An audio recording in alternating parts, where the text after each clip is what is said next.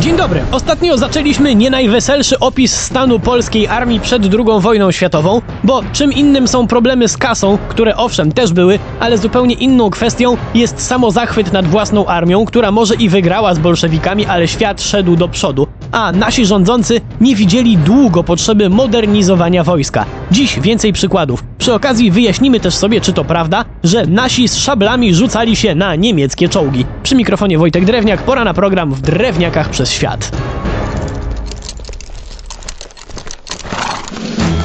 W latach dwudziestych mieliśmy bardzo dużą armię, bo w pewnym momencie trzecią co do wielkości w Europie. Najważniejszą częścią tej armii były wojska lądowe, czyli ta sławna kawaleria, tak? Też, ale absolutnie nie wyłącznie. O ile faktycznie służenie w kawalerii było wielkim zaszczytem i czynnikiem zdecydowanie ułatwiającym podryw, tak chłopaki na koniach nie mieli w polskim wojsku odgrywać kluczowej roli w wypadku starcia. Ułani, według nowych planów strategicznych, mieli wspierać działania piechoty i zabezpieczać skrzydła. Tak, bo to piechota stanowiła najliczniejszą grupę w polskim wojsku. W sumie to dobry moment na matematyczno-wojskową dygresję, która może wyda się nudna, ale co niektórym uporządkuje pewną strukturę.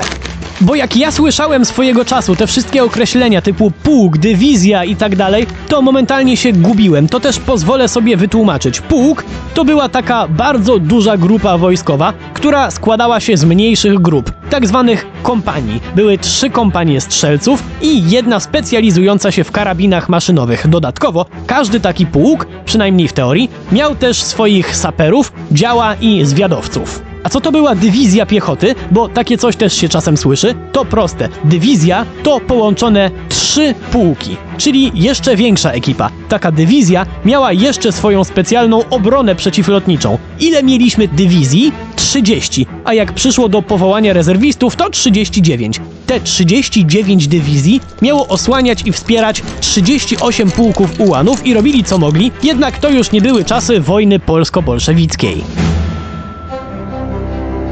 Bo nasze pułki kawalerii miały być odpowiednikiem niemieckich oddziałów pancernych, a myślę, że różnicy między koniem a czołgiem w boju nie muszę tłumaczyć. To znaczy, żeby było jasne, konie też mają swoje plusy. Łatwiej im było wjechać chociażby w las, ale na dłuższą metę starć z czołgami uniknąć się nie dało i wtedy, no właśnie, jak wyglądały te słynne starcia, jak nasi na koniach ruszali na czołgi?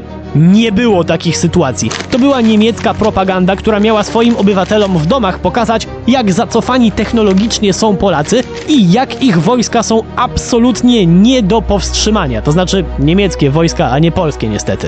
Tymczasem nasi dość długo sprawiali nazistom problemy, jednak wróćmy jeszcze do tych ataków z szablami na czołgi. Wiemy już, że ich nie było, ale to nie tak, że nasza kawaleria z wrogiem nie walczyła. Z wrogiem, który miał ciężki sprzęt. Koni bardziej niż w walce używano do transportu, chociażby artylerii i do szybkiego przemieszczania się po walce. Po to naszym były konie. Nikt z szablami na czołgi się nie rzucał. Niech nam jednak nie umknie świadomość, że długo udawano, że nasze wojska konne będą wystarczającą przeciwwagą w razie ewentualnego konfliktu z III Rzeszą albo Związkiem Radzieckim. Bo że z jednym i drugim to się do ostatniej chwili nikt nie spodziewał. Obudzono się z tego pięknego snu dopiero kilka lat przed wojną, ale na efektowną modernizację było już za późno. Bez pomocy sojuszników dłuższa walka na zachodzie nie była możliwa. Na wschodzie zresztą też, ale jak już poruszyliśmy ten temat, to warto powiedzieć sobie słów kilka o tam właśnie działającym Korpusie Ochrony Pogranicza.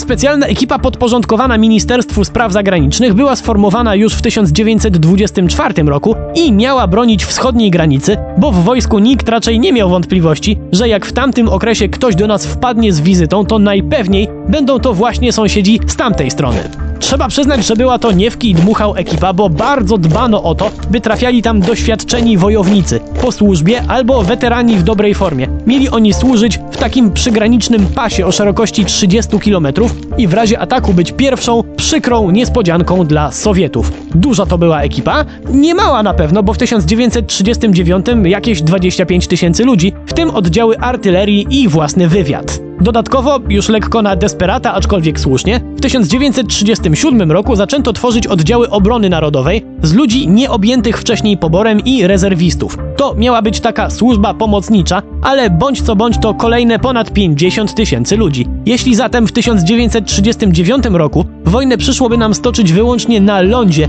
i z jednym tylko przeciwnikiem, to kto wie, może mielibyśmy jakieś szanse. Niestety szybko miało się okazać, że sąsiedzi wycięli nam swoim sojuszem bardzo nieprzyjemną niespodziankę, a dodatkowo poza czołgami obłędnie ważne okazały się samoloty i jednostki morskie, a tutaj sytuacja naszego wojska była o wiele gorsza. To już jednak temat na nasze kolejne spotkanie. Przy mikrofonie był Wojtek Drewniak. Do usłyszenia.